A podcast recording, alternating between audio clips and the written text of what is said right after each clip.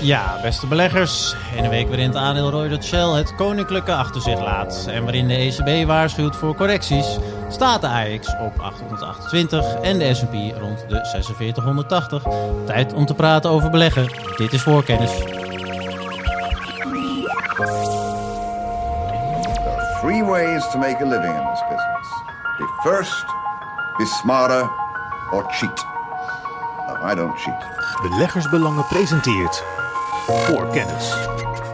Ja, beste beleggers, leuk dat jullie weer luisteren naar een nieuwe aflevering van Voorkennis. Mijn naam is Maarten Butteman en samen met Karel Merks en Stefan Hendricks werpen we weer een blik op de financiële markt. We gaan deze week vooral hebben over de euro, die flink in beweging is. En we zetten niemand minder dan Shell af tegenover Exxon. En we gaan uiteraard, zoals altijd, beginnen met de terugblik. En daarvoor uh, kijk ik Karel aan. Karel, leuk dat je erbij bent, man. Waar heb je allemaal naar gekeken deze week? Ik heb uh, met verbazing gekeken naar de autobouwers, Maarten. Met verbazing, vertel. Nou ja, je had ten eerste had je Rivian, elektrische ja. automaker. En uh, de beurswaarde daarvan is gestegen naar 150 miljard. Vanaf? Vanaf, uh, ja, wat zal het zijn? Een heel stuk minder. Okay. ik zag het elke dag uh, 5, 6 procent omhoog gaan. Ook een dagje 20 procent volgens mij. Okay, Alleen het punt wat ik even wilde, wilde maken, want ik volg helemaal niet die autobouwers. Dat doet Jeff op de redactie. Ja. Alleen ik volg alleen de grote lijnen. En, en Volkswagen zit op 140 miljard dollar. Als je het omrekent. Dus ik bedoel... Dat is nog steeds de grootste autobouwer. Nou, ligt aan hoe je het berekent. Op het moment dat je oh, ja. het berekent via uh, market cap, ja. dan wint Tesla uiteraard. Maar op het moment dat je het berekent via het aantal auto's dat verkocht wordt, dan ja. uh, wint Volkswagen. Ja, of Toyota, denk ik. Hè? Ja, Toyota is, uh, is heel erg spannend. Uh, Oké, okay, maar en qua beurswaarde komt deze nu in de buurt? Nee, die, die heeft 10, 10 miljard dollar meer zelfs. Oh, okay. En Rivian heeft al in haar hele bestaan, dus als je alles optelt, 336 auto's verkocht. dus dat gaat helemaal nergens over. Dat is indrukwekkend. Hoe, nou ja, dan moeten we een keer een aparte uitzending over klopt, hebben. Denk klopt, ik. het was niet één autobouwer. Het waren zelfs twee autobouwers die mijn verbazing uh, hebben getrokken. En die andere is Lucid. Ja. En ze maken ook elektrische voertuigen. En ze hadden drie weken geleden de eerste autoverkoop. Dus ze zijn nu drie weken auto's aan het verkopen. En uh, de beurswaarde is gestegen tot 90 miljard. En daarmee zijn ze de grootste Amerikaanse autobouwer Ford voorbij met 80 miljard.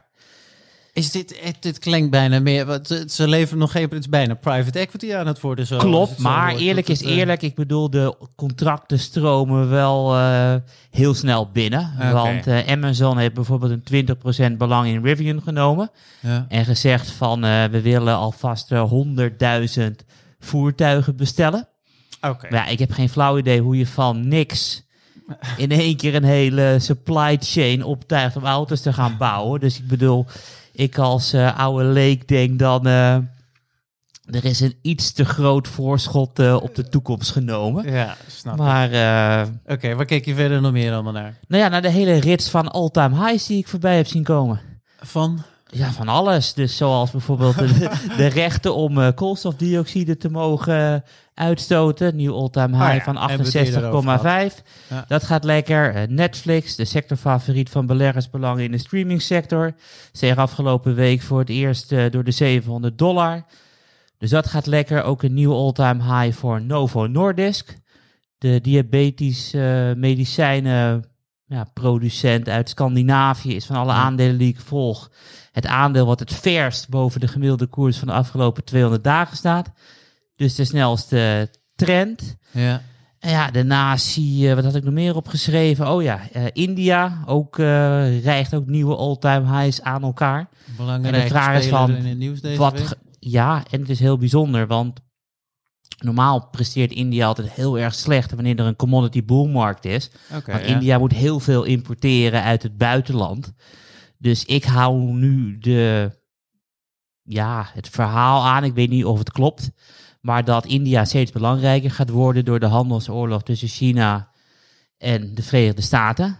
Uh, dat misschien Japan en de Verenigde Staten meer in, in India gaan investeren vanwege geopolitieke strategische ligging. Ik weet het niet. In ieder geval, nee, ja, India wordt doet vervolgd. het...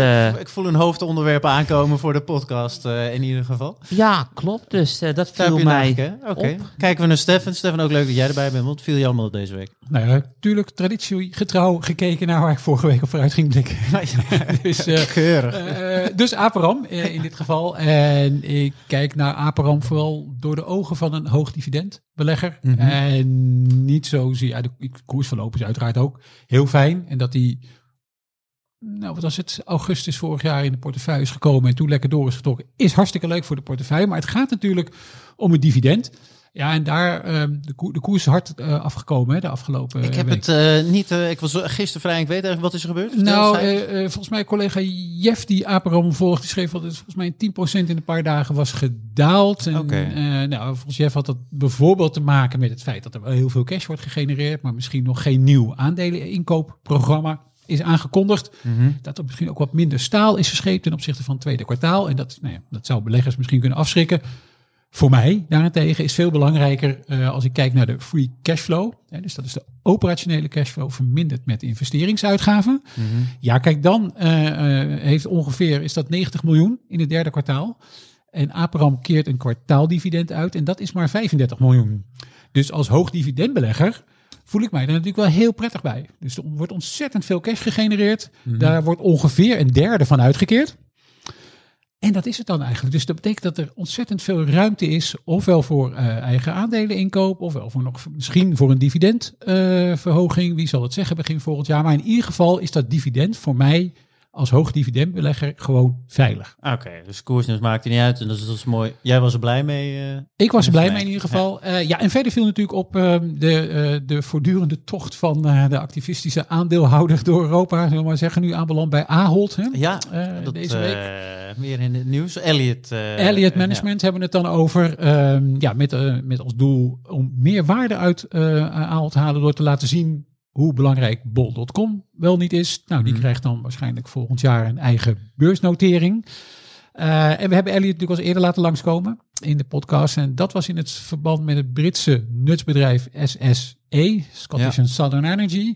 Ehm, en die hadden eh, afgelopen week ook cijfers. En ehm, ja, die willen eigenlijk niet buigen voor Elliot. En daar ontstaat wel een interessante strijd. Eh, even nog terughalen. Elliot had gezegd, nou, we splitsen het bedrijf gewoon in tweeën. Dus duurzame energieactiviteiten en stroom-elektriciteitsnetwerken. Dat Ja. trekken we mooi uit elkaar, want dan kan iedereen zien hoe ontzettend veel die duurzame energieactiviteiten wel niet waard zijn. Nou, daar hebben ze bij SSE niet zoveel trek in. Dus die hebben een nieuw strategieplan gepresenteerd. Hebben gezegd, oké, we brengen wel iets naar de beurs, maar dan doen we een kwart van onze elektriciteitsnetwerken brengen we naar de beurs. En daarmee financieren we de investeringen in duurzame energie die er nodig zijn. Ehm, maar wat, ze hebben het zichzelf dan niet echt heel makkelijk gemaakt. Ja, Ehm, ma- maakt het niet de weg vrij voor juist de wensen van Elliot dan? Nou, kijk, Elliot wilde eigenlijk gewoon een, ehm, zoals de Engelsen dat zo vrij zeggen, of de Amerikaan, een clean break. Dus die wilde eigenlijk gewoon bijna met een bijl dat bedrijf oké, gewoon echt in tweeën. Ja. Echt in tweeën. Niet een, niet een, een, een deel naar de beurs brengen, dan ook nog eens een keertje een deel wat Elliot eigenlijk niet wilde hebben. Maar die wilde natuurlijk vooral zien wat er uit die duurzame energieactiviteiten van SSE kon komen en niet Ja. uit die traditionele elektriciteitsnetwerken. Eh, wat de discussie eigenlijk wat lastiger maakt en waar eh, SSE het zichzelf bepaald niet makkelijk heeft gemaakt, is dat ze eh, beleggers ook nog een fijne dividendverlaging in het vooruitzicht hebben gesteld van 81 pence naar 60 pence per aandeel. Mede om die investeringen in die duurzame energieactiviteiten Hmm, eh, te financieren. Dus Niet bepaald de marketeers van de aandelenmarkt, Ik- als ik het zo... eh, we moeten dat hier het laatste woord nog niet over is gezegd. Oké, prima. Joh. Er was wat je verder nog naar andere dingen gekeken of is dit eh, al hetgeen? Anders gaan we verder naar het blad. Ja, nee, net zoals Karel viel me op die, die recordprijs. Hè, en daar van de eh, eh, emissierechten in Europa. En daarmee dus ook van de eh, Ja. ETF, die we ook al eens eerder in deze podcast hebben behandeld. Hè, de Carbon, eh, de Wisdom. Van de Wisdom Carbon. Tree Ja. Carbon. En de reden is natuurlijk dat de Duitse overheid gezegd heeft, we gaan nog een keertje naar Nord Stream 2 kijken. Dus er komt geen extra gas uit Rusland aan. Dat betekent Oké. de gasprijs eh, door het dak ging afgelopen week. Met als gevolg dat het steeds aantrekkelijker wordt om van gas over te stappen naar kolen. Ja. En dan moet je een paar eh, extra rechten kopen om eh, wat extra eh, CO2 te kunnen uitstoten. En dan Ja. stijg je die re- rechten weer verder. Precies, en ik denk dat het ook nog wel de... ja, sorry, maar het laatste dingetje nog Ja, nee, over is zo enthousiast altijd, hè? Eh, ehm, ook met betrekking tot de klimaattop in Glasgow, die was misschien niet voor iedereen even vergaand. En misschien waren, werden niet alle doelen gehaald. Maar dan gaan beleggers kijken, ja, hoe kunnen overheden dan wel nog Ja, eh, bepaalde afdwingen. afdwingen. En dan de prijs van, eh ja het, van het een emissierechten. geweldig goed product. Direct invloed op eh, voor iedereen die dat wil doen. Dus- Precies, dus ik denk dat dat zeker ook een rol speelde. Oké, we gaan even verder naar het blad. Ons stukje schaamteloze reclame. Even heel kort, Karel. Waarom moeten abonnees en niet-abonnees die een abonnement moeten afsluiten? Welk artikel van jou lezen deze week? Nou ja, we hebben deze week weer allemaal interessante eh, eh, analyses gemaakt, collega's en mij en ik. Dus ik heb bijvoorbeeld naar Disney gekeken. Ja. Het is niet mijn sectorfavoriet in de, in de streaming sector, maar het is wel een eh, fantastisch bedrijf. ja. Disney Plus stagneert, dus er komen minder abonnees bij dan dat analisten van tevoren hadden gedacht. Aandeel daalde best, hè? Ja, klopt. Het heeft 200 aangetikt. Het staat nu op 160 en 40 op 200 is volgens mij, wat is het, 20% of zo? Ja, een vijfde wil ik zeggen, maar dit reken ik ook. Ja, oké, dankjewel. eh alleen kijk, ik ben onder de indruk van eh, de analistencall die ik gekeken heb. Vertel. Want er zijn nu, eh, even kijken, er zijn nu vier cruiseschepen. Ja. En eh, de management heeft de prijzen voor die cruiseschepen echt flink verhoogd. Alleen ze gaan als warme broodjes over de toonbank. Dus ze hebben besloten om een, eh, een vijfde, een zesde en een zevende schip eh, te gaan bouwen voor cruises. En die komen dan in 22, 23 en 2025 eh, op de markt. Ik wist niet eens dat het een onderdeel was van Disney. Ja, Nee, joh, ik bedoel- dacht ook, ik dwaalde heel even af. Ik denk, zit ik nou naar een heel ander bedrijf te luisteren? Nee, maar dat is echt eh, op het moment dat je zegt van ik wil bijvoorbeeld een, een cruise hebben op de Middellandse Zee. Ja, dan betaal je 3000 euro en dan ga je een week op zo'n boot mee. Ja, daar is veel geld op dit moment, dus ik kan me voorstellen. Klopt, en eh, de, is leuk CEO is aandeel. onder de indruk dat ja, ze kunnen overal de prijzen verhogen voor attractieparken, voor voedsel Hmm. en dergelijke. En iedereen blijft het maar eh, betalen. En ze investeren lekker verder. Onlangs nog werd bekend dat ze voor een tien jaar periode de NFL-rechten hebben gekocht. Oké, Ik bedoel, ook 90, geen klein dingetje. nee, zeker niet. In, eh, 90% van de Amerikanen die voor de tv gaat zitten, kijkt, eh, kijkt sport. Hmm. Dus daar zetten ze ook met de ESPN eh, volop in. Ja. En attractieparken krijgen allemaal eh, nieuwe attracties. Dus ik heb ook wel allemaal YouTube-video's gekeken wat er allemaal weer aankomt. Dus Dat is dus van, het werk van een analist bij beleggersbelangen. Zeker, maar het werkt ook. En ik heb ook af en toe helemaal open kaart gaan spelen. Ik bedoel, ik had vorige maand natuurlijk vakantie. Ja. Dus ik ben ook even op en neer geweest naar Euro Disney.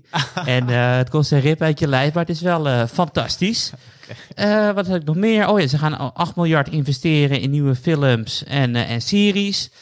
Ja, kijk, en beleggers staren zich helemaal blind op het aantal abonnementen van Disney+. Plus. Eh, dus ik denk, ja, die 20% korting is gewoon een mooi moment om het koopadvies eh, te herhalen. Kijk eens aan. Mooie afsluiting eh, daarvan. Stefan, jij hebt beurs en economie volgens mij onder de aandacht eh, hier. Kan je brengen, sorry. Zeker, zeker. En dat ga ik ook doen. Ja, dat ga ik ook doen. Nee, ik heb bij Beurs en Economie geschreven naar aanleiding eigenlijk van een eh, eh, bericht. We hebben het al eens eerder in de podcast gehad over die indexaanbieders en wat voor belangrijke rol die wel niet hebben. Eh, in dit geval gaat het over Standard Poor's en MSCI. En die hebben ook weer een aantal wijzigingen in hun indices aangekondigd. Ehm, in hun sectorindices, wel te verstaan. Er gaat een aantal bedrijven, gaat van de sector informatietechnologie naar de sector financials. Eh, dat zijn de drie, Visa, Mastercard en PayPal. Daarvan zegt eh, S&P en eh, MSCI, die hebben daar samen een systeem ontwikkeld. Ja. Die, nou, die horen eigenlijk toch wel meer in de financiële hoek thuis en wat minder in de technologiehoek. Ja. Ja, dan denk je misschien, prima. Eh, wat moet ik daar verder mee? Nou, wat je daarmee moet, is dat eh, een heleboel mensen toch ook in ETF's beleggen eh, die in die sectoren zitten. Ja. Je kunt bijvoorbeeld in een S&P 500 Financials ETF beleggen.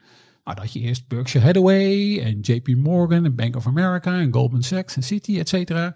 Dat waren dan de grote namen. Maar in de top 7 van die ETF komen straks ook gewoon binnen Visa, Mastercard en PayPal. Waarmee het karakter van die ETF wat verandert. Dus ik heb dat nogmaals eh, eh, onder de aandacht gebracht voor jou als ETF-belegger. Het is nogmaals duidelijk, een ETF volgt de index. Ja. Dat betekent als er veranderingen zijn in de index, zijn er dus ook veranderingen in jouw beleggingsproduct. Dus altijd goed om dat in de gaten te houden. Oké, prima. Nou ja, voor wie het nog heel even na wil lezen, we zetten de artikelen in de show notes. voor kennis.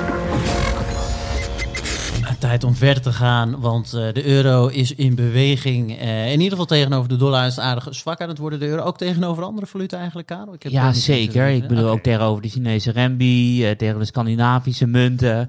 De enige munt waarbij de euro zo sterk is als een, eh, ja, noem eens wat, Huis. als een huis is tegen de lira. Want ik bedoel, ze hebben de, meer. Want ze hebben de rente flink verlaagd weer in Turkije, terwijl de inflatie 20% is. Maar eh, nee, het is opgevallen, want als je dan kijkt ten opzichte van een dollar, dan krijg je nu, eh, wat was het dieptepunt afgelopen week? 1,1264. Mhm. Dus het gaat eh, behoorlijk hard. En de vraag is een Waar beetje, komt het vandaan?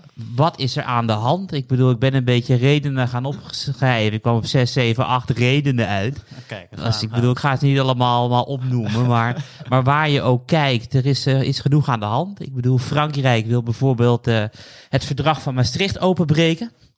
Oké. Dus ze zeggen van ja, Frankrijk wil investeren in nieuwe technologieën, wil het gevecht tegen klimaatveranderingen eh, Belangrijker winnen. dan begroting. En 3% is een beetje onzin. Het mag wel veel meer zijn eh, dan dat. Oké. Daar willen ze zich hard voor maken.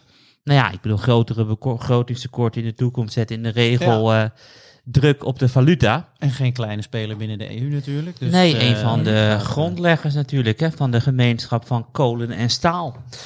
Ehm, en de tweede had natuurlijk Lagarde, de voorzitter van de ECB. Die ziet op de middellange termijn eh, de inflatie tot onder de 2% zakken. mhm. Nou ja, haar doel is natuurlijk een inflatie van 2%. Mag er ook best wel eventjes daarboven zitten. Dus ja, onder de 2% betekent meer ruimte voor de geldpers. En dat zet uiteindelijk eh, ook druk op de valuta. Even voor mij, want dit is totaal. Ja, ik, we hebben gierende inflatie, hoor ik alles en overal. En eh, Eh, tijdelijke inflatie. nog steeds. Europa is tijdelijk nog steeds het ding. Amerika is ook tijdelijk. Het Ook is allemaal steeds, problemen in de supply chain. Oké, En volgens meneer Powell is het nog heet allemaal transitory. oké, prima. Dan, dan ik- heb ik dat nog even helder. Ga verder. Top. Had ik, eh, derde reden is de Europese economie. Die Mhm. echt veel slechter aan het presteren is dan eh, de Amerikaanse economie. En de vraag is, waardoor eh, komt dat? Ik denk dat een van de dingen meespelen de gasprijzen. Want de gasprijzen in Europa zijn ruim zeven keer hoger dan in de Verenigde Staten. Dus het en energie is ook een belangrijke kostenpost uiteraard. En ik, Stefan was geloof ik de eerste die een half jaar geleden in de podcast eh, de surprise indices geïntroduceerd hebben. Moeten van hoesten. Ja. Ja. Weet je, en als je dan nu kijkt van eh, de, de Amerikaanse surprise index staat gewoon 212 punten boven die van Europa. Ja. Dus de Amerikaanse economie presteert veel beter dan verwacht en de Europese veel minder dan verwacht. En het verschil is echt eh, zelden meer dan 200 punten geweest. Ik wilde net even vragen wat dat dan betekent. Maar inderdaad, het komt dus op neer. Amerika presteert veel beter dan eh, de Europese. Ja, economie. klopt. Want de surprise index is, is dan nul. En eh, Europa gaat, nou ja, zakt het ravijn in. En Amerika zijn de cijfers beter dan Ja, verwacht. Wat op zich wel weer opvallend is. Want ik zeg ook weer vandaag voorbij dat er in Nederland nog nooit zoveel vacatures zijn geweest. En de werkloosheid nog nooit zo laag. Dus wat dat betreft is het ook... eh, Ja, wellicht nog regionale verschillen natuurlijk die een eh, impact hebben. Maar het is wel veelzeggend. eh, Klopt, ja. En ten vierde is een hele grote beermarkt voor de populariteit van Biden. Die blijft alleen maar zakken, zakken en zakken. Ah, hoe dat staat, gaat dat via een percentage? Is dat zo laag? Nou ja, je hebt, je hebt allemaal sites waar je dus... ehm, eh, waar polls zijn. En dan vragen ze, ja, wat vindt u van de president? Ja, Nou, ik geloof hij begon bij 70 of zo. En hij is nu door de, door de 40% gezakt. Oh, dat is wel. Is dat, eh, ja, Trump ging ook niet zo best volgens mij, maar dat heeft elke Amerikaans president. Maar hij krijgt dus moeite om zijn plannen doorheen te lopen. ja, klopt. Maar je ziet ook dat gewoon eerst wilden we 6 biljoen steun hebben. Dat wordt ook elke keer minder. Ja. En ik denk eh, dat alles ook nog te maken heeft met dat we nog steeds geen nieuwe vet-president hebben. Wat normaal altijd in augustus gekozen wordt voor 2022. Ja. Maar hij moet echt alles op alles zetten om zijn plannen er doorheen te krijgen. En misschien moet hij dan Powell nog een keertje opofferen om de wat fanatiekere in de Democratische Partij eh, achter zich te krijgen door, eh, door de, ja. ja, Ik ben ook benieuwd, want dat is dan. eh, want ik miste heel even op het begin vanaf de euro-dollar, hoe, vanaf welke stand die vandaan komt. ja, hij komt uiteindelijk van, eh van 1,22.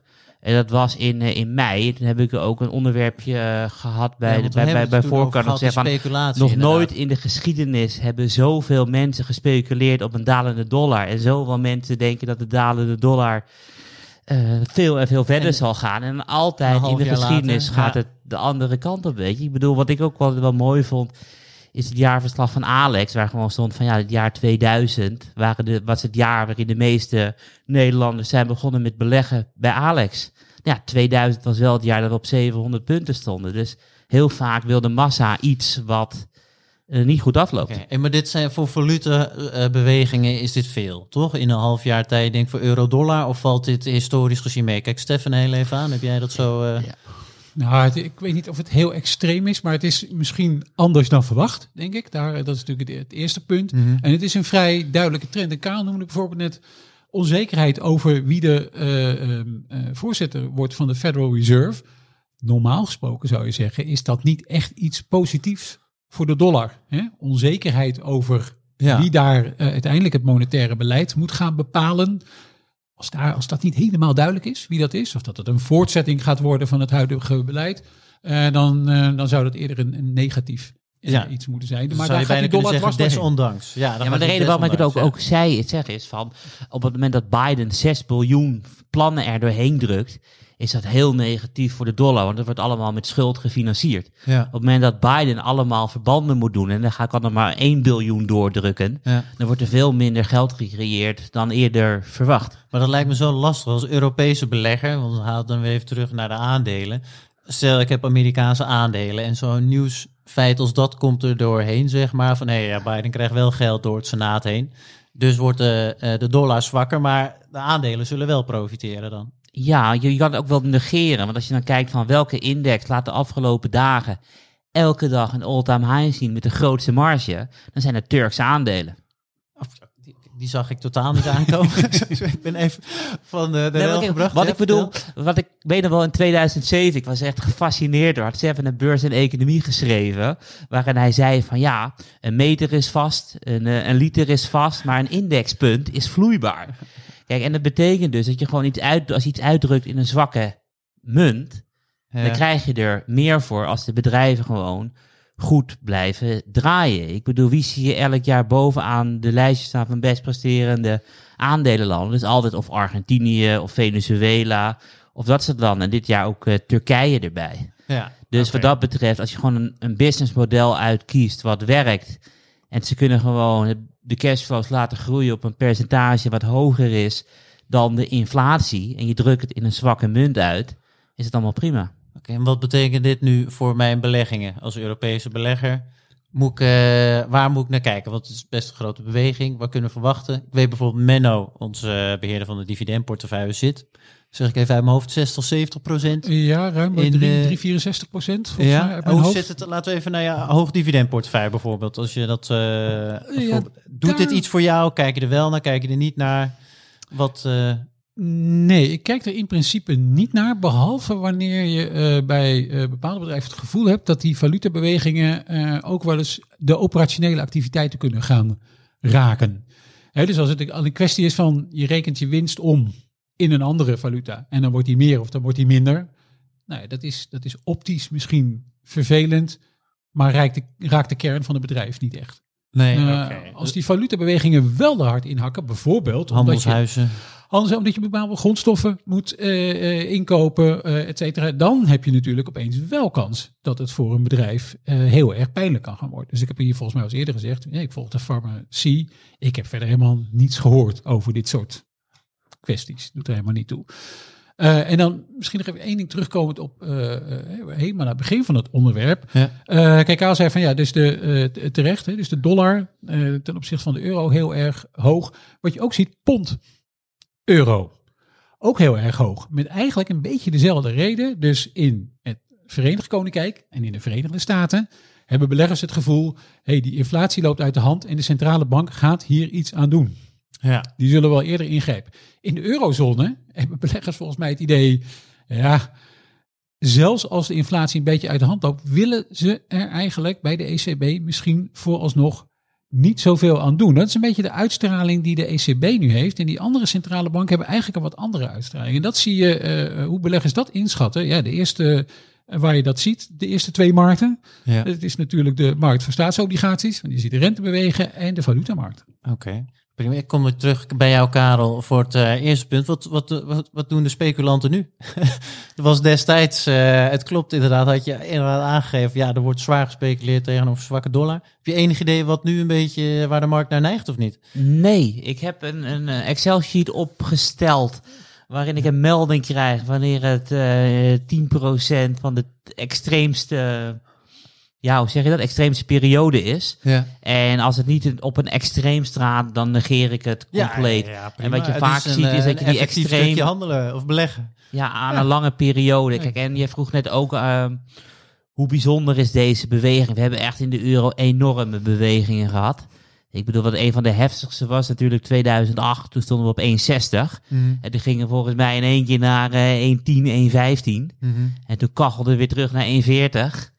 Wat keihard de andere kant op is. En toen gingen we naar Ah, pariteit toe. Dus, Zet het eh, nog wel heel even in perspectief, inderdaad. Want dan ben ik, nog één laatste vraag. Wanneer ga je als belegger wel ingrijpen? Eh, in verband met valuta schommelen. Los van eventueel de bedrijfsactiviteiten. Maar is er wel een moment, percentage, al dan niet dat je van jezelf moet eh, hebben van tevoren. Van nou, als de impact van de valuta eh zo groot is, dan moet ik gaan handelen? Of is dat, als ik jullie stilte zo aanzie, lastig van tevoren? Ja, maar het lastige is, wat stel dat je bijvoorbeeld vindt dat, noem eens een Amerikaans bedrijf, eh, Home Depot.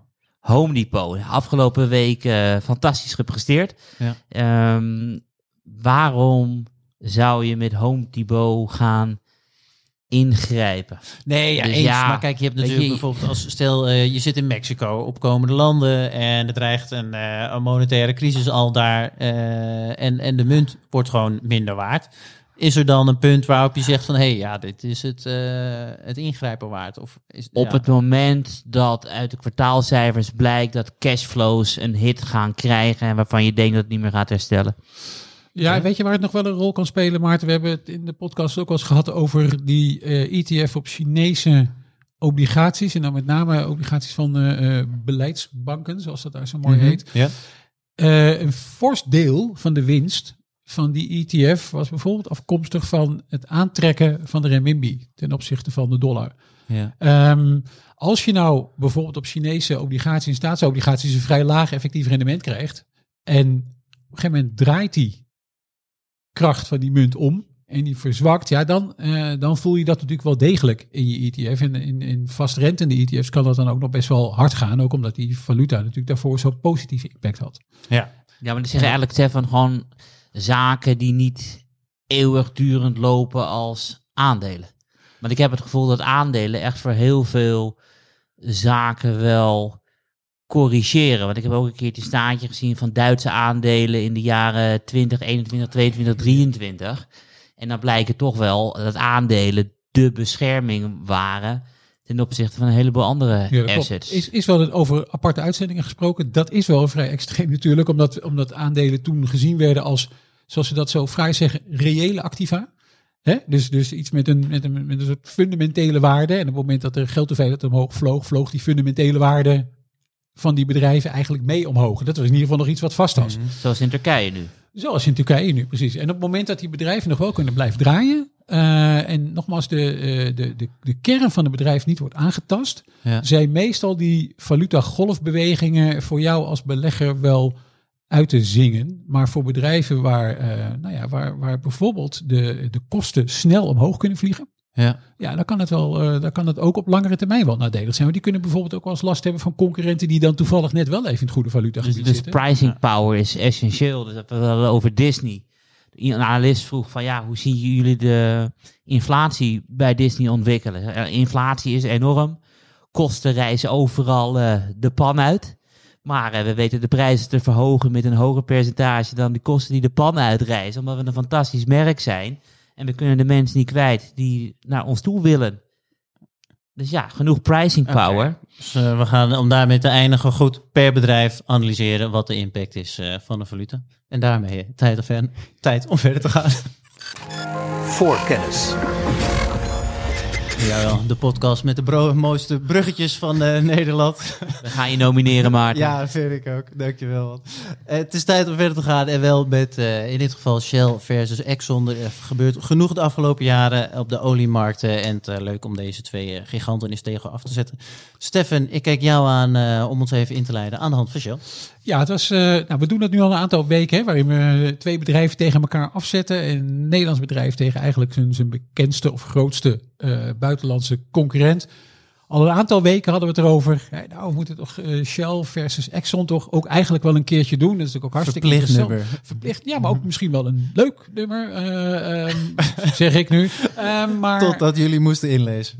ja, maar wat, is, wat we niet zagen aankomen, wat het voor deze week gepland was natuurlijk, de, eh, waren de verhuisplannen Ja, van Shell. Waardoor het eigenlijk een, eh, nou ja, het krijgt een nog wat extra actualiteitswaarde. Het sluit ook wel een beetje aan bij eh, de strategie van Shell. Dus we komen nog wel te spreken, denk ik, over waarom het voor Shell wel of niet een goed idee was. Welke maatschappelijke druk Shell voelt. Misschien in Nederland versus het Verenigd Koninkrijk mogelijkerwijs. Ik kan me niet voorstellen dat dat nou echt de hoofdreden was. Ik vermoed dat het versimpelen van die concernstructuur eigenlijk toch wel het meest prettige was. Is ook namelijk voor hoe de dividenden opstromen zeg maar, naar, de, naar de oudste maatschappij en dan uitgekeerd worden. Is het een stuk eenvoudiger als je gewoon hè, in de belasting in één land hebt geregeld in plaats Ja. van in twee. Voor de inkoop van eigen aandelen is het ook een, eh, een stuk handiger. Dus er zaten ook wel wat andere motieven dan, eh, eh, dan, dan die duurzame discussie. Maar het, valt op het, het maakt in ieder geval ook echt heel veel emoties dat los. zeker, ja. nee, zonder meer. Het was veel in het nieuws. En ook het feit raakt sommige mensen dat het niet meer koninklijk is eh, natuurlijk. eh. Eh, ja, en dat het dan dat we daar met na Unilever dan opnieuw een, Ja. een, een, een groot Nederlands bedrijf verliezen. Wat natuurlijk op zich wel apart was toen we het met Relax hadden, hè, de uitgever, het vroegere Reed Elsevier, waar op een gegeven moment Elsevier natuurlijk ook een beetje van verdween. En dat is dan alleen nog een divisie. Ja, daarvan kon je nog zeggen dat was al, al lange tijd een net, net iets meer Brits dan Nederlands bedrijf. En bij Unilever en Shell gold eigenlijk het omgekeerde. En Ja. dat zijn nu toch, ja, misschien tot teleurstelling van een aantal mensen, nu gewoon eigenlijk Britse bedrijven geworden. Ja, ja, groot gemis. Van, ik ben benieuwd, gaat het ooit? Ben ik wel heel benieuwd. Gaat nooit van de beurs af. Of tenminste in Amsterdam blijft voorlopig gewoon nog helemaal voor iedereen die het niet helemaal gevolgd heeft. De Ja. notering blijft. Het no- de notering blijft, maar goed, ehm, dat is in, niks staat wat dat betreft natuurlijk in steen gehouden. Hè? Dus Nee. het, staat het bedrijf uiteindelijk vrij om... Voor hetzelfde eh, geld is dit pas de eerste stap om eh verder te gaan. dus ja, maar voorlopig is er denk ik niet echt een belang voor Shell om, eh, om die Amsterdamse notering nou heel snel te gaan schrappen. Nee, oké. Hey, verder, vertel Shell, wat, waar zit het? Welke landen, regio's is het actief? Wat voor divisie heeft? Nou, Shell is een, wat ze dan noemen, een klassiek eh, geïntegreerd olie- en gasbedrijf. Eh, met, eh, Mooie verwoording. Mooie verwoording. En met geïntegreerd bedoelen we dan dat het niet alleen olie en gas wint, maar het ook transporteert en het ook verkoopt. Gewoon, of het nou is aan de pomp, eh, voor je auto eh, of voor eh, allerlei chemische producten, et cetera. Ehm, Shell heeft daarom een beetje een klassieke opstelling voor, voor een oliemaatschappij. Dus we hebben een, een upstream gedeelte, hè, dat is de klassieke olie- en aardgaswinning.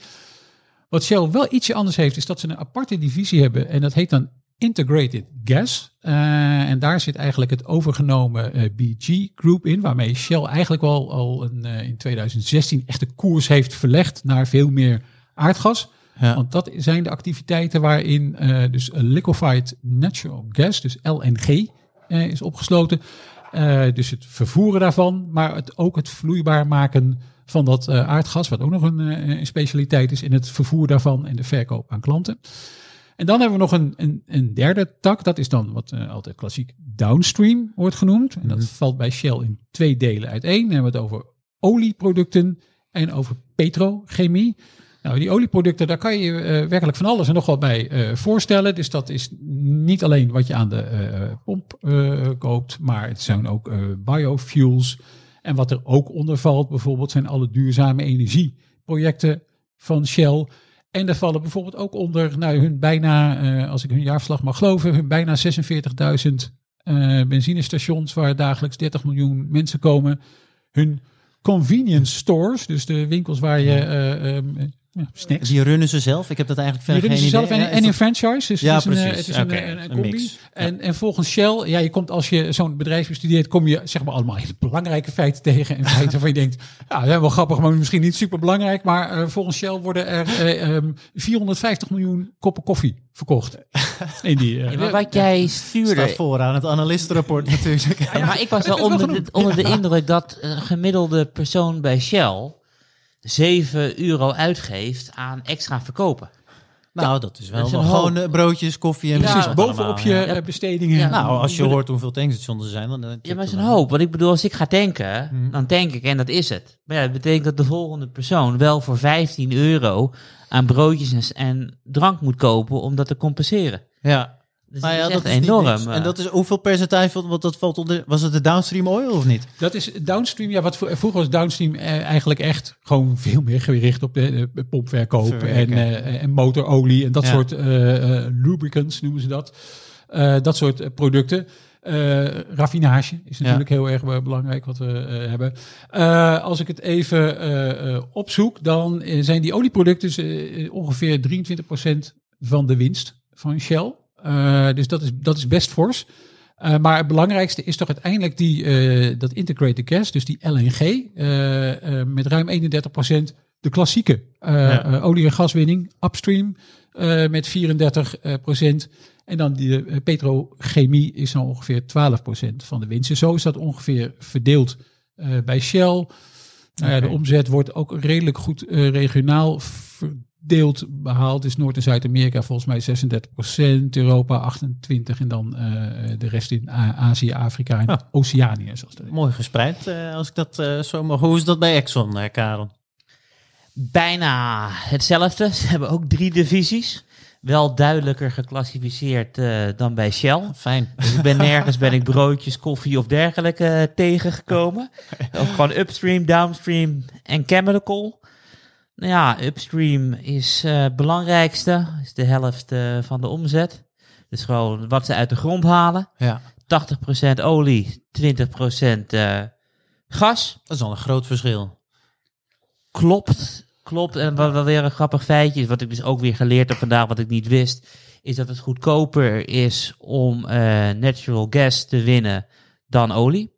Want Exxon heeft een break-even olieprijs van 38,31. En ik geloof, Seven, bij jou is het 30. 30 bij Shell, bij zijn nieuwe investeringsprojecten zeggen ze een, een break-even niveau van 30 dollar per vat al. Ja, dus okay. ze kunnen 20% goedkoper produceren dan Exxon. Dit is toch wel, even, ja, ik als buitenstaander, ik, dit is toch een fenomenaal groot verschil? Of? Het is een groot verschil, maar het heeft denk ik wel te maken met wat Karen net zegt. Dus je, als ik helemaal bij begin al een groot verschil tussen uh, misschien Exxon en Shell uh, aan zou moeten geven, dan is dat Shell echt heel erg in heeft gezet op aardgas en dat vloeibare aardgas. Dat is gewoon echt een, een heel erg belangrijk punt voor Shell. Niet alleen door die overname van uh, British Gas, BG groep ja, ja. in 2016, maar ook met de investeringen die ze gaan doen. Want uiteindelijk, en dat is op zich wel interessant, misschien komen we er straks nog op, uh, uh, Maarten, bij het strategie-deel over deze beide bedrijven. Kijk, Shell heeft zelf al gezegd, luister, die, die oliewinning, die heeft gepiekt in 2019. En wij gaan er nu gewoon vanuit dat die jaarlijks met 1 tot 2 procent daalt. Aardgas daarentegen moet steeds belangrijker worden. En dat moet dan straks 55% van hun totale fossiele brandstofwinning. Ja, oké, okay, nee, maar dan snap ik niet hoe die prijs of uh, dat, dat die aardgaswinning zit in die break-even punt ja, dat van zit olie erin. ervoor. Wat, wat okay, dat, nu uitleggen. Zijn dat equivalenten of ja, zo van klopt, elkaar? Is dat klopt. net zoals Ze CO2? Oké. Okay. Ze noemen het dan, een, je, hebt een, je hebt een vat olie. En je hebt een, het zoveel. E Sorry, je. Hebt, je hebt een vat olie en je hebt een equivalent van een vat olie ja, okay. van aardgas. Oké. Dus dat rekenen ze dan weer allemaal door. Er zijn allemaal industriestandaarden voor. Oké, okay. nee, held, want dat verklaart dan veel. En we komen inderdaad, Stefan, zo nog terug op uh, de strategie in de oliewinning. 40% uh, van de omzet komt uit de Verenigde Staten. Oké. Okay. En soort bijna gelijk. Ja, en 63% komt uit de 39 andere landen die werkelijk overal op de wereld zitten. Ik heb die puntjes okay. bekeken van, van uh, Australië tot Japan, China zelfs. In de rare gehuchten in Afrika, Zuid-Amerika. Oké, dus ze zitten allebei gewoon heel gespreid. Dus wat dat betreft geografisch niet echt bedreigingen of risico's die de een wel heeft en de ander niet heeft. Nee, ik denk dat de, het karakter van eh, olie- en aardgaswinning nu eenmaal is dat je eh, ehm, nou ja, overal en nergens zit. En soms ook op plekken in de wereld die je misschien niet helemaal logisch zou vinden om daar hele grote bedrijfsactiviteiten te hebben. En, en ik las, op Twitter was er natuurlijk ontzettend veel eh, reuring over Shell weg als Nederlands bedrijf. En er waren ook best wel veel eh, eh, mensen op Twitter en niet allemaal eh, zeg maar uit de heup schietende types. Maar ook gewoon mensen met enige kennis van zaken. Die zeiden ja, als Shell dan niet echt meer een Nederlands bedrijf is en het wordt toch meer Brits. Ja, je verliest toch misschien soms ook een beetje de contacten over de hele wereld waar je, je komt natuurlijk Ja, overal als... Er zit nu nog Ben van Beurden en de kans dat er nog een Nederlands iemand zit met invloed is misschien kleiner. wie weet, ja, wie weet. Ja. Oké, prima. Was dat verder, was op dat qua introductie van Exxon in dit geval, Karel, ik zie Ja. keurig netjes de papiertjes zijn doorgekrast. Dat kunnen we verder wat mij betreft. In dit geval ook meteen, eh, ja, eigenlijk een beetje strategie, groei en, eh, en risico. En eh, ja, dan eigenlijk meteen het oliewinning, wat jij zegt, je hebt het al even aangeraakt, eh Stefan. Maar dat, dat, ja, dat is gewoon een groot verschil qua waar de groei vandaan moet komen. Jazeker. Ja, de, eh, ik denk dat we misschien een klein stapje terug moeten doen. Dat is ook al wat erg opvalt als je, dat heeft Karel ook gemerkt in zijn analyse van Exxon, denk ik. eh, en ik bij Shell ook. Hoe vaak hebben we het in deze podcast al niet gehad over cashflow? Eh, heel vaak, denk ik. En dat is niet voor niks. Het blijkt ook gewoon voor deze oliebedrijven cruciaal. Uiteraard rapporteren ze winstcijfers. En er wordt natuurlijk ook naar gekeken. En de winst kan tegenvallen of meevallen. Maar al die plannen voor de Meer, toekomst. meer cruciaal dan bij bijvoorbeeld een, DSM of een Randstad of iets dergelijks. En, Randstad en was zo ook ja, cruciaal. waarom? Ja, Randstad was ook cruciaal. Daar hebben we het ook over gehad. Hè? Omdat die natuurlijk zo cyclisch waren en, en, en, Ja. en kwetsbaar hè? Ja. Voor, eh, voor klap ineens. Dus die moesten voldoende cash ook hebben. Ja. Eh, hier zie je dus heel erg, omdat het zo'n ontzettend kapitaalintensieve sector is, eh, is er natuurlijk ook ontzettend veel focus op die cashflow. Dus eigenlijk wordt, eh, wordt alles wordt uitgedrukt in cashflow. Dus als je bij eh, Shell ook gaat kijken van nou, wat, eh, wat voor plannen hebben ze nou de komende jaren? Dan zegt Shell bijvoorbeeld, nou ja, we gaan ongeveer eh 19 tot 22 miljard dollar per jaar investeren. Dat is onze, zijn onze investeringsuitgaven. Eh, en dan is de vraag, waar gaan die naartoe? Hè? Wat, waar legt het bedrijf nou uiteindelijk de nadruk op? Nou, dan gaat er vooralsnog 8 miljard naar die klassieke olie- en gaswinning. Dus die upstream Ja. eh, activiteiten. Maar wat dan op zich interessant is eh, bij Shell, is dat zij ehm, natuurlijk een, eigenlijk een, en dat is denk ik wel wat anders dan bij eh, Exxon. Ehm, of het nou is door de maatschappelijke druk, of het nou is uit vrije wil, wie zal het allemaal zeggen. Maar Shell is heel erg bezig met zeg maar drie pilaren in zijn investeringen aan te brengen. Ja. Dus die upstream, die 8 miljard die ik net noemde, dient gewoon om cashflows te genereren voor in de toekomst, om die transitie mogelijk te maken. Ja, oké. Dus die transitie naar een meer duurzaam energiebedrijf. Dat is eigenlijk wat, eh, wat Shell wil. Dus Shell heeft eigenlijk ehm, eh, eh, drie pilaren van investeringen. Upstream hebben we gehad. Ja. Dan is de tweede die zij noemen is transitie. En onder transitie valt bijvoorbeeld ehm, eh, integrated gas. Eh, dus die eh, LNG-activiteiten. eh, schoner dan, dan olie natuurlijk, maar nog wel ja, fossiel. Hè? Ja. Dus, dus vandaar transitie. Wel even voor me, ik dacht niet de transitie dat je bij die eerste 8 miljard van upstream, dacht ik dat dat is een tra- energietransitie om dat te investeren. nee, die 8 Zei het miljard gaat, verkeerd begrepen? die 8 miljard gaat naar de divisie upstream. Dus, Ja. dus daarmee worden nog gewoon de klassieke projecten gefinancierd. Voor, Oké, sorry, ik dacht net heel even dat er aangehaald was dat het voor de energie eh, transitie nee, was. dat- maar nee, oké, nee, nee, dat- 8 dat is- klassiek. Dat is omdat, eh, ja, dat is een eh, goed dat je die vraag stelt, Maarten. Dus die, die investeringen nog in die klassieke eh aardolie- en gaswinning, daar komt natuurlijk weer cashflow uit. En die cashflow wordt dan weer elders ingezet. Oké, helder. Dat, dan dat, is een beetje, ja. dat is een beetje het idee eigenlijk. Dan gaat er ongeveer een miljard of drie naar integrated gas. En 4 tot 5 miljard ook naar chemie. Nou, dan hebben we het, eh, ehm, het transitiedeel, zoals Shell noemt, eh, te pakken. Mhm. Dan de derde poot van Shell. Die zegt, nou, we moeten natuurlijk ook nog ergens gaan groeien. Want het bedrijf moet natuurlijk ergens naartoe. En het idee van Shell natuurlijk, waar, waar naartoe, is eigenlijk allemaal in meer duurzame Eh, of het nou energie is of duurzame brandstoffen. Dus dan komen we bij de laatste twee delen. Dat is wat Shell, en die, soms lopen dingetjes door elkaar heen, marketing en renewables noemt. Marketing, daar vallen die convenience stores onder, waar we het Ja. eh, over hadden. Maar dus Kopjes ook koffie. kopjes koffie, maar dus ook bio-brandstoffen. ook eh, oplaadpunten voor elektrische auto's, om eens wat te noemen. Nou, daar gaat dan eh, ongeveer 3 miljard eh, heen. En uiteindelijk houden we dan nog 2 of 3 miljard per jaar over voor die renewables. En dan hebben we dus over opwekking van duurzame energie. Dus waar Shell dan het terrein, zullen we maar zeggen, van de nutsbedrijven een beetje betreedt. Dat eh, klinkt als een, eh, een, een lage aantal zeggenis, maar de rest wordt natuurlijk ook gebruikt om, te investeren, om dat uiteindelijk mogelijk te maken. Dus het is niet alleen maar dat. Ik kijk eh, naar Karel voor Exxon. Hoe zit het eigenlijk bij hun een beetje met de investeringsplannen? Waar moet de toekomstige groei volgens hun vandaan komen? Ja, een paar maanden geleden hebben natuurlijk Stefan had behandeld eh, Exxon bij voorkennis. Dat wij, eh, dat zij een aantal mensen in de raad van bestuur hebben gekregen via de activistische aandeelhouder Engine Number One. Mhm, En het, het doel was natuurlijk dat alles duurzamer moet worden. mhm. En naar aanleiding van die mensen in de raad van bestuur hebben ze nu eh 15 miljard uitgetrokken om de komende vijf jaar te investeren in low carbon strategies.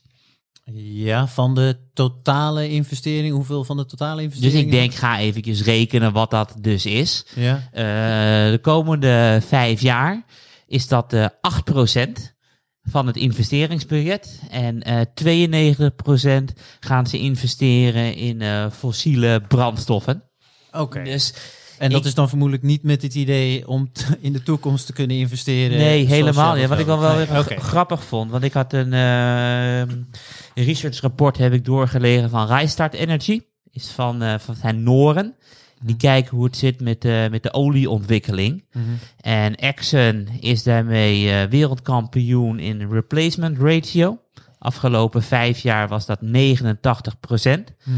En dat betekent dat er voor elke 100 vaten die ze naar boven halen, er 89 kunnen worden toegevoegd eh, aan de reserves.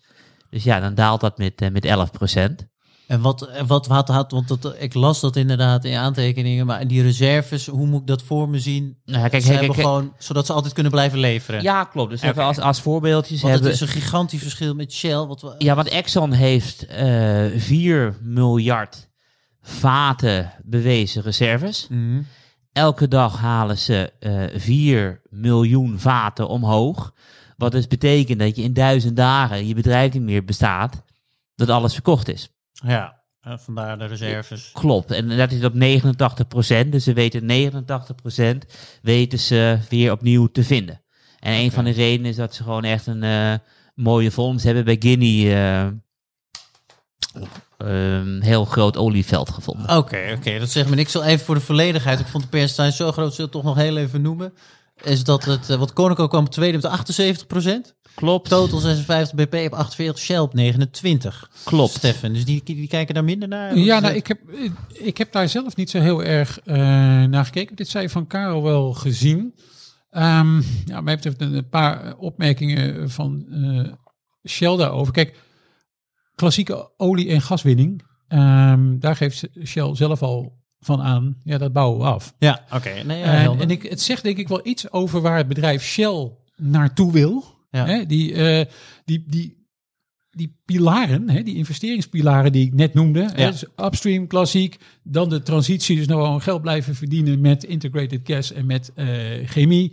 En dan gaan investeren in die eh, eh, marketing, eh, olie- en gasproducten en in eh, duurzame energie. Ja, daar, is, dat, daar zie je precies wat Shell van plan is. Dat is het. Ja. En, ehm, en dat is denk ik niet zo gek dat, eh, eh, dat Shell dat doet. Voor sommigen gaat het misschien soms niet snel genoeg. Hè? Die zeggen, ja, waarom toch nog wel wat blijven investeren in, die, hè, in die klassieke winning? Dat moet je toch eigenlijk helemaal niet willen. Daarvoor eh, ehm, hoef je eigenlijk alleen maar ietsje verder te kijken naar of op de website van Shell of in hun rapporten. Want wat Shell heel erg netjes doet, is per investeringstype, zeg maar, Ja. eh, noemen eh, welk eh, interne rendement, de IRR, zoals dat zo vrij eh, heet, eh, zij daarop willen behalen.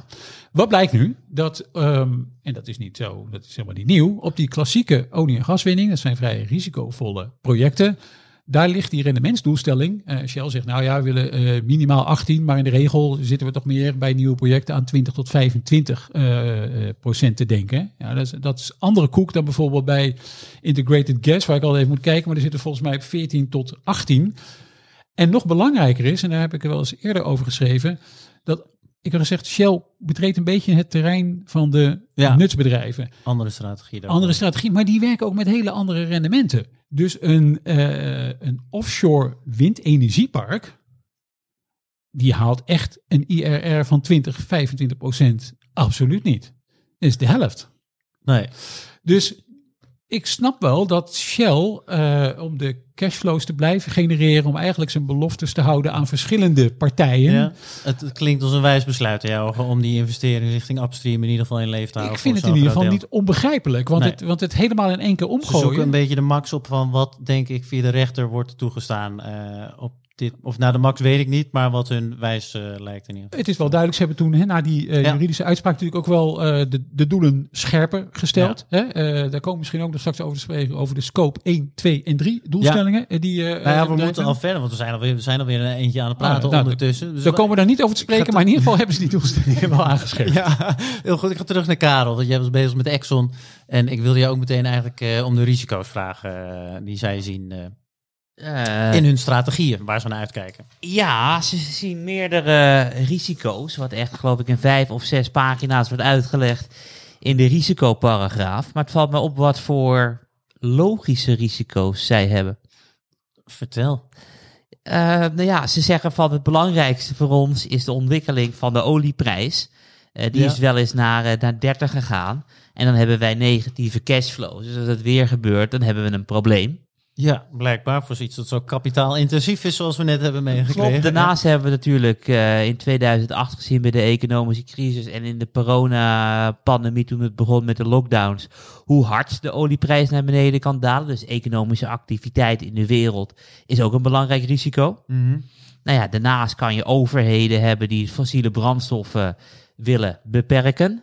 En waardoor ze misschien eenzijdig contracten kunnen opzeggen. Dus er wordt ook echt eh, rekening mee gehouden. Ja. Daarnaast produceren ze ook best wel wat in Afrika. En daar is alles minder eh, stabiel. Ik geloof dat nu ook weer een oorlog aan het ontstaan is in Ethiopië of Eritrea. Een van die twee wel lopen te, te rommelen. Ja. Dat speelt ook nog allemaal mee. En ze hebben ook een halve pagina beschreven dat de cyberrisico's aan het toenemen zijn. Ik, wat dat de pijpleidingen of zo worden. Nou ja, we hadden natuurlijk al dat een tijdje geleden in de Verenigde Staten gehad dat de computersystemen van een oliebedrijf waar ik nu niet op kom eh, gehackt is. Ja, was het ja, nee. Ja, dat kon je dan voor, eh, weet ik veel, 100 bitcoins of zo, kon je dat, eh, konden ze weer verder gaan, dat ransomware. Dan heb je dus een probleem. Ja. Kijk, en het leuke van het risicoparagraaf is dat je daar werkelijk alles moet opschrijven wat je kan bedenken, wat mis kan gaan. Dus dat is het meestal het allereerste wat ik ga lezen. Weet Ja. je, en bij Coca-Cola staat er ook gewoon in van dat er te weinig water is in de toekomst om gewoon Coca-Cola te maken. Ja. Ja, wat interessant is natuurlijk, denk ik, dat ehm, wat, is, wat is een risico voor je als bedrijf? Eh, ik denk dat eh, Shell Wat ook verschilt het met Shell? Nou, ik denk Shell is ook, eh, ze probeert ik het alles uit te stralen. We hebben het gehad over maatschappelijke druk, misschien druk van bepaalde aandeelhouders. Shell ziet natuurlijk eh, die druk, in ieder geval die, die weg naar die energietransitie, die, die wel op moet. Hè. Dat Mhm. is natuurlijk ook een risico als je het niet doet als Ja. bedrijf. Ja. Hè? Ja, en dat was oh, natuurlijk ook, ja, een, dat was natuurlijk ook een punt van engine number one bij ExxonMobil. Zei ik, ja, het is prima als je het nu uit de grond haalt en je hebt fantastische prijzen en de cashflows zien er fantastisch uit. En als je nu naar het bedrijf kijkt, dan denk je geen wolkje aan de lucht. Maar is dit bedrijf toekomstbestendig? Benoemde jij het zojuist, Karel, of niet? Als een van de risico's stond die... eh, Ja, dat overheden gaan eh, Ja, oké, ja, sorry. versneld afschalen van fossiele brandstoffen. ja, oké. Maar dat is wel een, eh, dus nog even, de, de nadruk op aardgas bij Shell. En die LNG, waar Shell echt een ongelooflijk sterke positie heeft. Ik denk zelfs... eh, Er was een grote aankoop toch destijds? er was een grote aankoop, 53 miljard pond geloof ik uit mijn, uit mijn hoofd. Ja, en daar hebben ze natuurlijk ook lang klein beetje maagzuur van gehad. eh, omdat dat levert natuurlijk een onvoorstelbare schuldpositie op. Die ook net kwam, dat zou altijd zien, ongeluk op nooit alleen. En die natuurlijk ook net kwam eh, toen de olieprijs helemaal naar beneden zakte. waardoor je cashflow problemen hebt. Nou, we hebben niet voor niks een dividendverlaging, komen we straks ook nog op, eh, gehad. Om weer cash vrij te maken. Shell heeft het ook niet zo makkelijk gehad in dat opzicht. Maar als ik nu naar het bedrijf kijk, dan ik snap waar ze naartoe willen. Ik zie ook op welke manier Ja. ze dat doen. Ik kan naar de financiële positie kijken en die ziet er gewoon echt hartstikke goed Ja, uit. dan gaan we ook meteen naar in verder in de tenzij we nog iets van risico's, maar we zitten alweer bijna richting eh, het uur. Dus eh, Ja, dan wil ik je niet onderbreken. Maar. Ik dit keer ook niet. heel fijn. financiële eh, doelstelling. Moeten we, moeten we cijfers, wat, wat van belang? Waar kijken ze naar? Ik begin even met Shell. Nou, Shell heeft eh, heel erg mooi op een rijtje gezet. We hebben vier prioriteiten waar wij uiteindelijk onze eh, cash aan willen geven. Dus het eerste is dat hele investeringsprogramma wat, Ja. ik, eh, eh, wat ik net heb beschreven. Het tweede is dat Shell heeft nu een credit rating van AA en dat is hoog. Dat is heel erg solide. Die wil Shell ook wel gaan behouden. Ja. En dat is natuurlijk gunstig, want daardoor kan je, nou ja, kun je natuurlijk ook goedkoper lenen. Dus dat is hartstikke, ik vind het een verstandig besluit om dat te doen. Dan heeft Shell, en dat is interessant voor aandeelhouders gezegd, uiteindelijk willen wij eh, zo ongeveer eh 20 tot 30 procent van die operationele cashflow uit gaan keren aan onze aandeelhouders. In de vorm van dividend of in de vorm van inkoop van eigen aandelen. Belangrijk wat betreft Engeland. Belangrijk. En bedenk wel dat eh, Shell zijn investeringen gaat opvoeren op het moment dat ze netto schuldpositie, schuld minus liquide middelen op de balans, als die onder de 65 miljard komt, dan zegt Shell, nou dan kunnen die investeringen per jaar wel omhoog tot, tot, tot aan de eh 23, 23, 25 miljard. Oké. Eh, en het vierde is, en dat is eigenlijk een wat een losse doelstelling, Shell zegt nou als we dan nog, als we dan nog cash over hebben, Ja. dan kunnen we altijd nog extra uitkeringen doen aan aandeelhouders. Of misschien acquisities of andere balansversterking Dat doen. is, Dus dat is speciaal dividend of zo? Wat, eh, Ja, ik of denk ook dat- gewoon aandelen ik inkopen? denk dat Shell eh, de route van aandelen inkoop wel meer zou gaan bewandelen. Waarom? Ze we hebben natuurlijk die eh, vrij brute dividend reset gehad hè, vorig jaar. Dat Ja. is, eh, eh, nou ja, dat weet iedere Shell-belegger, weet dat nog wel. Shell heeft nu dus dat hele dividendbeleid opnieuw vastgesteld. En nu gezegd, ja, eigenlijk willen we dat dividend gewoon 4% per jaar laten groeien. En eh, wat heel erg mooi is van aandeleninkoop natuurlijk, is dat als je je aandelen inkoopt en je schrapt ze, en je betaalt nog steeds in absolute zin hetzelfde dividendbedrag, en je hebt minder aandelen om het over te verdelen, ja, dan gaat je dividend per aandeel vanzelf omhoog. Dus dan eh, helpt het ook al. eh. maar dat is over nagedacht. daar is over nagedacht. Dus ik, ik vermoed wel dat Shell, en ze hebben natuurlijk schalieolieactiviteiten in Amerika verkocht. Daarvan hebben ze ook al gezegd dat geld gaat terug naar aandeelhouders. Ja. Dat gaat in de vorm van aandeleninkoop. Dus ja, Shell zit er nu gewoon, ook als ik kijk naar de schuldpositie, eh, als ik kijk naar de eh, eh, investeringen die ze willen doen. Ik vind het er allemaal eigenlijk, op dit moment ziet het er gewoon prima uit bij Shell. Kijk eens aan. Dat is een mooie conclusie. Karel, hoe zit het bij Exxon? Geld stroomt binnen als, als water. Even wat getalletjes noemen. Afgelopen kwartaal, derde kwartaal 2021, is er 3,9 miljard eh, geïnvesteerd. Er is eh, 3,7 miljard eh, naar dividend gegaan. En het gevolg was dat er nog 5,2 miljard over was, waarvoor ze geen bestemming hadden. Dus er is echt ruimte om meer te investeren en dividend verder omhoog. Dus afgelopen... eh, dat, dat blijft kwart- gewoon op de plank of zo? Hoe, eh, Het blijft niet op de plank, want eh, vanaf eh 1 januari 2022 begint er een extra aandeleninkoopprogramma. Ah. Er zal eh, minimaal 10 miljard dollar aan eigen aandelen worden ingekocht en geschrapt. Mhm. Dus dat gaat allemaal eh, de goede kant op. De olieprijs eh, is aan het stijgen en het gevolg daarvan is dat je ook eh, de marge ziet toenemen. Maar als je dan kijkt naar de eerste drie kwartalen van dit jaar is een marge van 12,7 naar 13,8 naar 15,3 gegaan. Is het ook zo dat de, dus de hoger de olieprijs stijgt, dus de hoger de marge meestijgt? Zeker Of- weten, Ja? Zeker ja, weten. ja, want je zag ook dat vorig jaar die cashflows negatief waren toen de olieprijs eh, flink naar beneden ging. En dat was ook in 2016 zo en in 2009. Dus het beweegt heel erg mee met de olieprijs. Ik ben een enorme olieprijsboel. Van de week naast Disney ook nog een stukje geschreven over investeringen. eh, die MCI bedrijven doen in de sector materials en energy. Deze staat op het laagste niveau eh, van de afgelopen 14 jaar. En ga je dat corrigeren voor eh, inflatie, dan is het zelfs minimaal de laagste investeringen van minimaal 25 jaar. Oftewel, er wordt steeds minder geïnvesteerd. En we hebben zelden gezien dat we een jaar lang zo'n goede boelmarkt hebben gehad in grondstoffen. En dat er bedrijven minder gingen investeren per saldo. Dus ja, ik denk dat door die ESG-activiteiten. eh, dat de olieprijs misschien nog wel een keer naar een, eh, een nieuwe all-time high zal gaan. Half jaar geleden ook een stukje over geschreven. Die mag je in de column zetten. Weet je, en als olie inderdaad naar In de nieuw- show notes. in de show notes zetten, bedoel ik, dankjewel. Mocht olie inderdaad naar boven de 150 gaan, ja, dan profiteert Shell en Exxon beide Ik echt eh, enorm. zeggen, maar eh Exxon denkt toch meer. Want we gaan een beetje richting Weet ik rendementen niet. en aandelen. Het is heel erg lastig, want ik gaan. bedoel- Oké.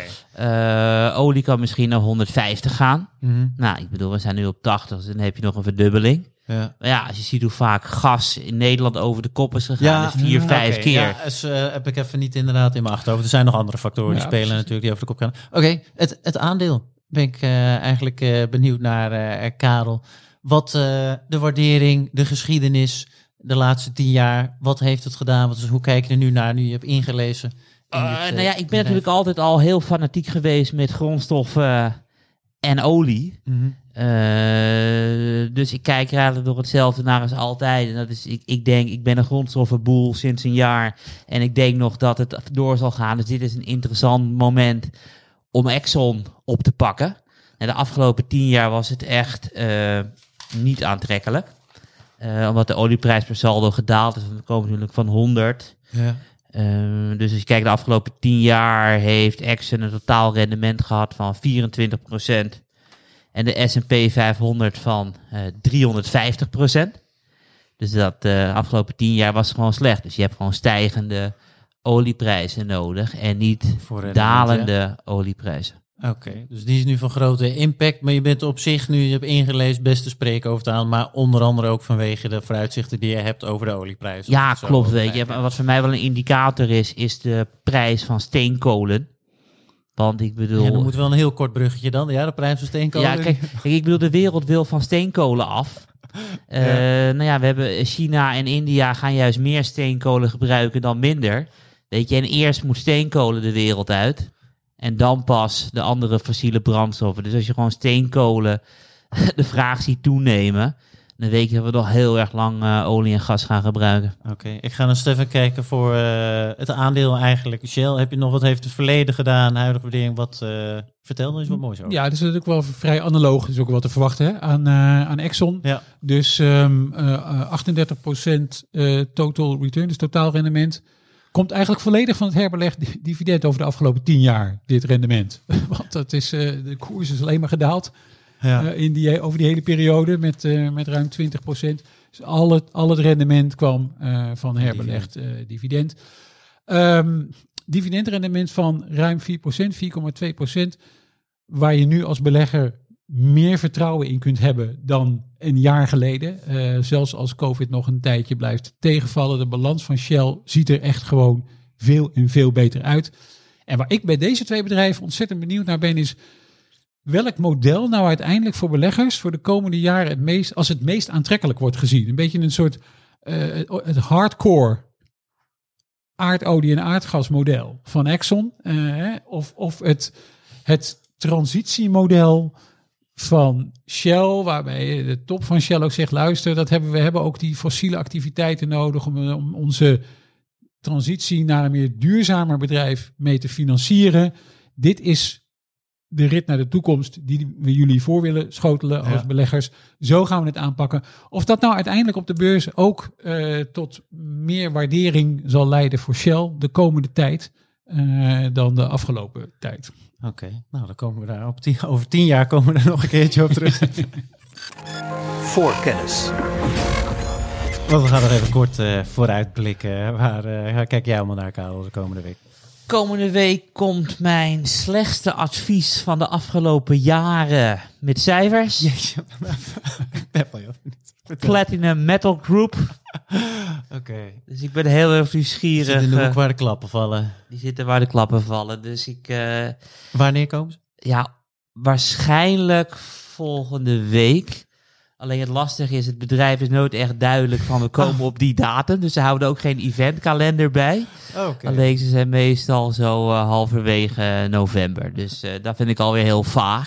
Dat, dat, dat is het zeker, ja. Het klinkt niet echt vertrouwenwekkend. Dus, beste luisteraar, misschien komen we daar volgende week eh, op terug. Stefan, waar kijk jij helemaal naar? Ook ik kijk naar een, eh, nog een staartje in het cijferseizoen. Naar een wel wat betrouwbaar bedrijf, met, ook wat duidelijke communicatie. Eh, aanstaande eh, dinsdag de 23e komt eh, Medtronic met zijn tweede kwartaalcijfers. Dat is geen eh, foutje van mij, want ze hebben een gebroken boekjaar.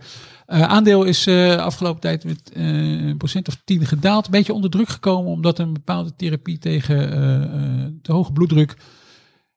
dat die teststudie niet voortijdig wegens enorm succes is afgebroken, maar gewoon eigenlijk zijn, eh, zijn volledige periode neemt. Daar waren kennelijk beleggers een beetje bezorgd over of het Hm. dan wel zo'n succes zou kunnen gaan worden. Want het is een van de speerpunten van toekomstige groei van Medtronic, want we hebben het hier over medische technologie.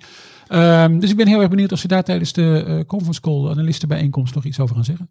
Oké, nou, dan komen we daar volgende week eh, uiteraard op terug. Dat, dat weten we in ieder geval zeker. En of we ook terugkomen met Platinum Battles Group, dat gaan we volgende week eh, meemaken. Ik dank jullie beiden weer voor de bijdrage. En eh, tot de luisteraar zeggen wij, zoals altijd, tot volgende week.